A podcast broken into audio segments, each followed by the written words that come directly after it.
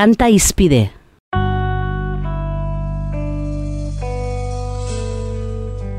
Zela ira duan eskatza Asia da miloreta Zela ira duan eskatza Matxazun kanta kantetan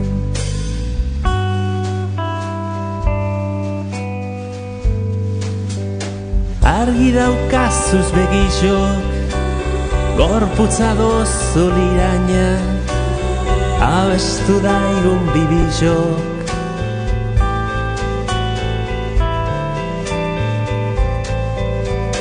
Abestu daigun zelaian Zoin horren lili usaina Mila eskaeran zodantzan Lau aseta. Euskal poesia berriaren abiapuntua mila behatzireun da hogeita hamar eta hogeita hamabost artean ezarri behar da espairik gabe. Gure lirikaren berritze horretan, lau asetak parteidetza handia izan zuen horixe eta lizardirekin batera. Nola baitesan, irurek nora nahikotu egin zuten gure hizkuntza larrekoa.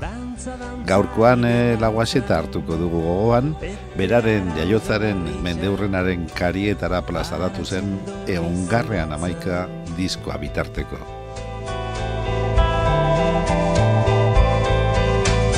Txiulata da molina Entzuten dira mendizan Zeru bada onoztinan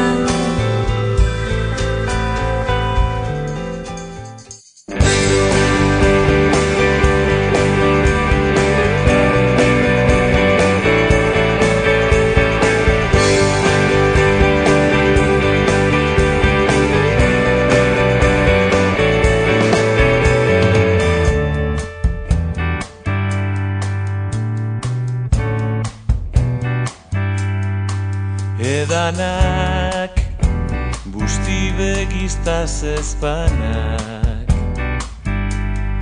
Edermin Estepan Urkiaga lauasetari gorazdarre eta omen egiteko disko honen ekoizpena, Rafa Rueda musikariak hartu zuen bere gain.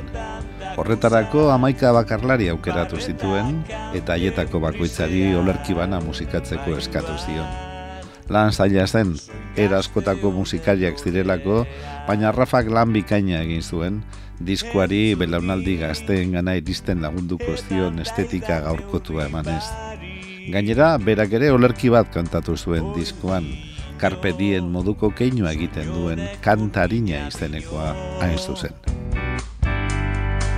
Arikatua zutiak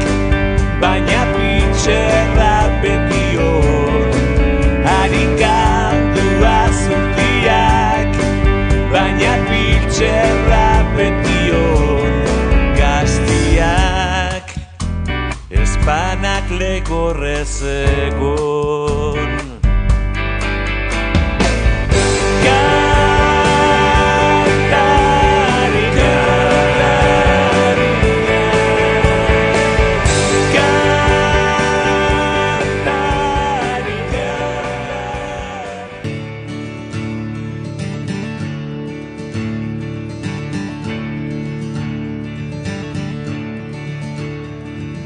Darule Notxoko Ibai hori dokan zabala.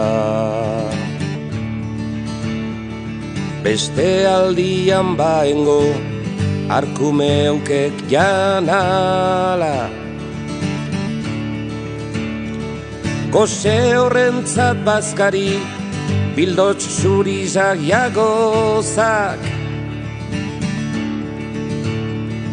Bedarretzian dantzari Metu egisak aginak Zidarule du notxoko Ibai hori dokan sakona. Sakerak jako nontzitio Ibairako dokan ona. Sakera saker lagunoi Pagoa eder mendizan baina ireta juler denoi, ederra godo kontzizan. Neure otxoko potxoko, txoriza ederre gaizka. Ekarre giztak usoko, tairagoko autarinka. Sakera, sakera argiza, hiru egizan godozak. Eure lan horren igi egizak arraunak.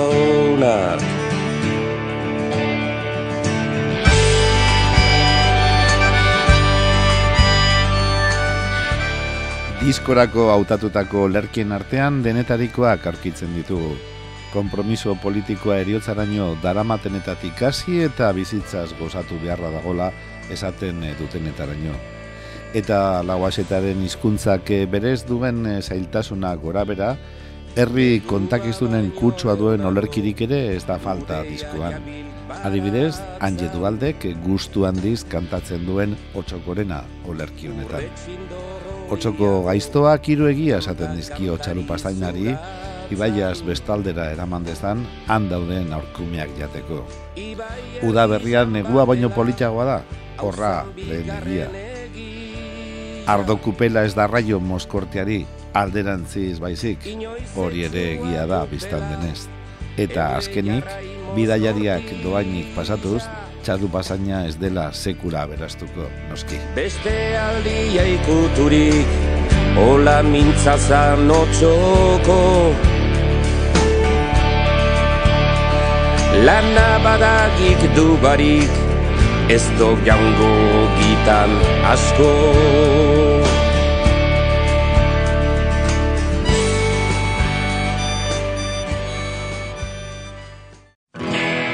Mendieze ikurrin eder Azkena zaitu taixian Amar lerdena Makila luzez bidian. Mendi bitxidor berdiok. Harin ordu askantari Dana emon bihar jako Maikedan askatasunari Dana emon bihar jako Maikedan askatasunari Kompromiso politikoa aipatu dugu berrikitan eta berriz esan beharra dugu kompromiso hori hain handia izan zela lauasetaren kasuan esen eriotza ekarri baitzion denok jakina denez. Olerkiak diosku idazlea bera partaide izan zen mendigo izaleak eh, taldeko gazte batzuk, mendian gora doaz dela ikurriñak eskuan dituztela, baina bapatean alako batean tiro txakitzuten direla eta gazteak hilik erortzen direla. Olerkariaren iritzian gazteok ez dira alferriki lordea, aberriari eta askatasunari dena eman bar zaielako. Este diorren didarra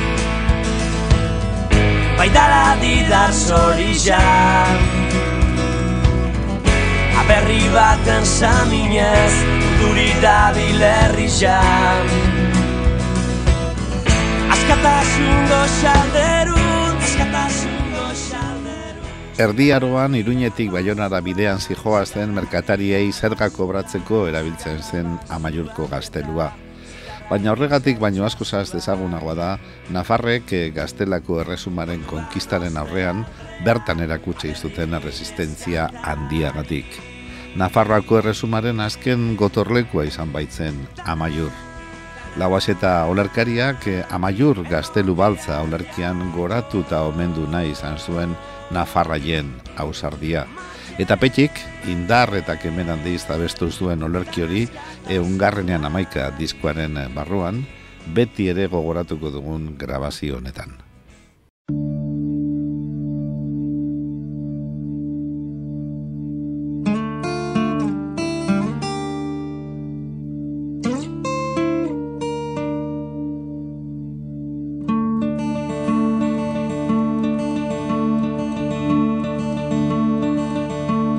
Amaiur gaztelu baltzori Berreun gudari oro sumin Zaitzen zatu ben zaldu nonak.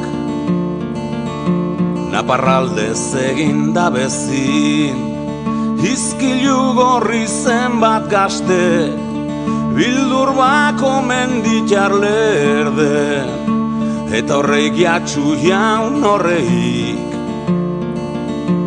Javierreko zaldun guren Ikurrin bat kate eta lili Torre gotxizan zabaldago Bera salduko daun semerik Mendionetan ez da jaio. Amaiurko ate zain horrek Zidarturuta zoiu egik Bastan ibarran zenbat etxai Arrotz gabez dago mendirik. Esiturik amaiur dauko Mirandako kunde Espainiarrak.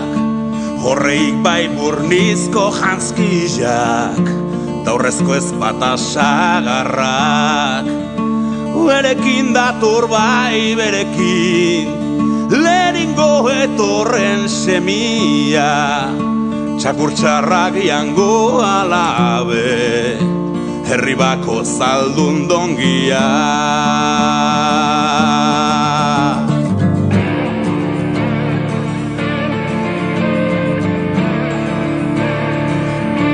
Goiko aldetik hasten dira Hasten dira zuaga hotxez Horma kontretan zen bat zurgu Eta gezi zorrotzak airez Baina torrean zabaldabil Ikurrin bat gate eta li Nok zapaldu bete dagik ez. Berreun budari orok zoli Amaiurko gaztelu baltza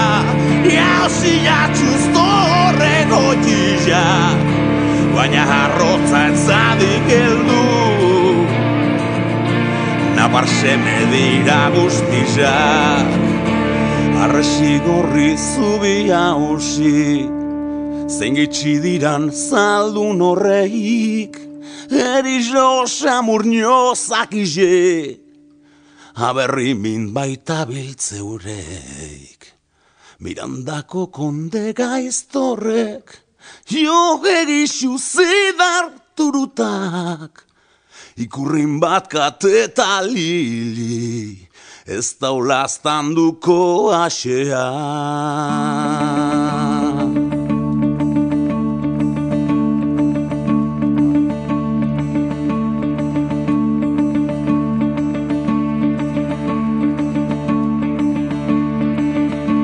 Berreun gudari oso zumbin Gaztelupian dago zilik Ordutiko nazen bat laino. Naparruan ez da berririk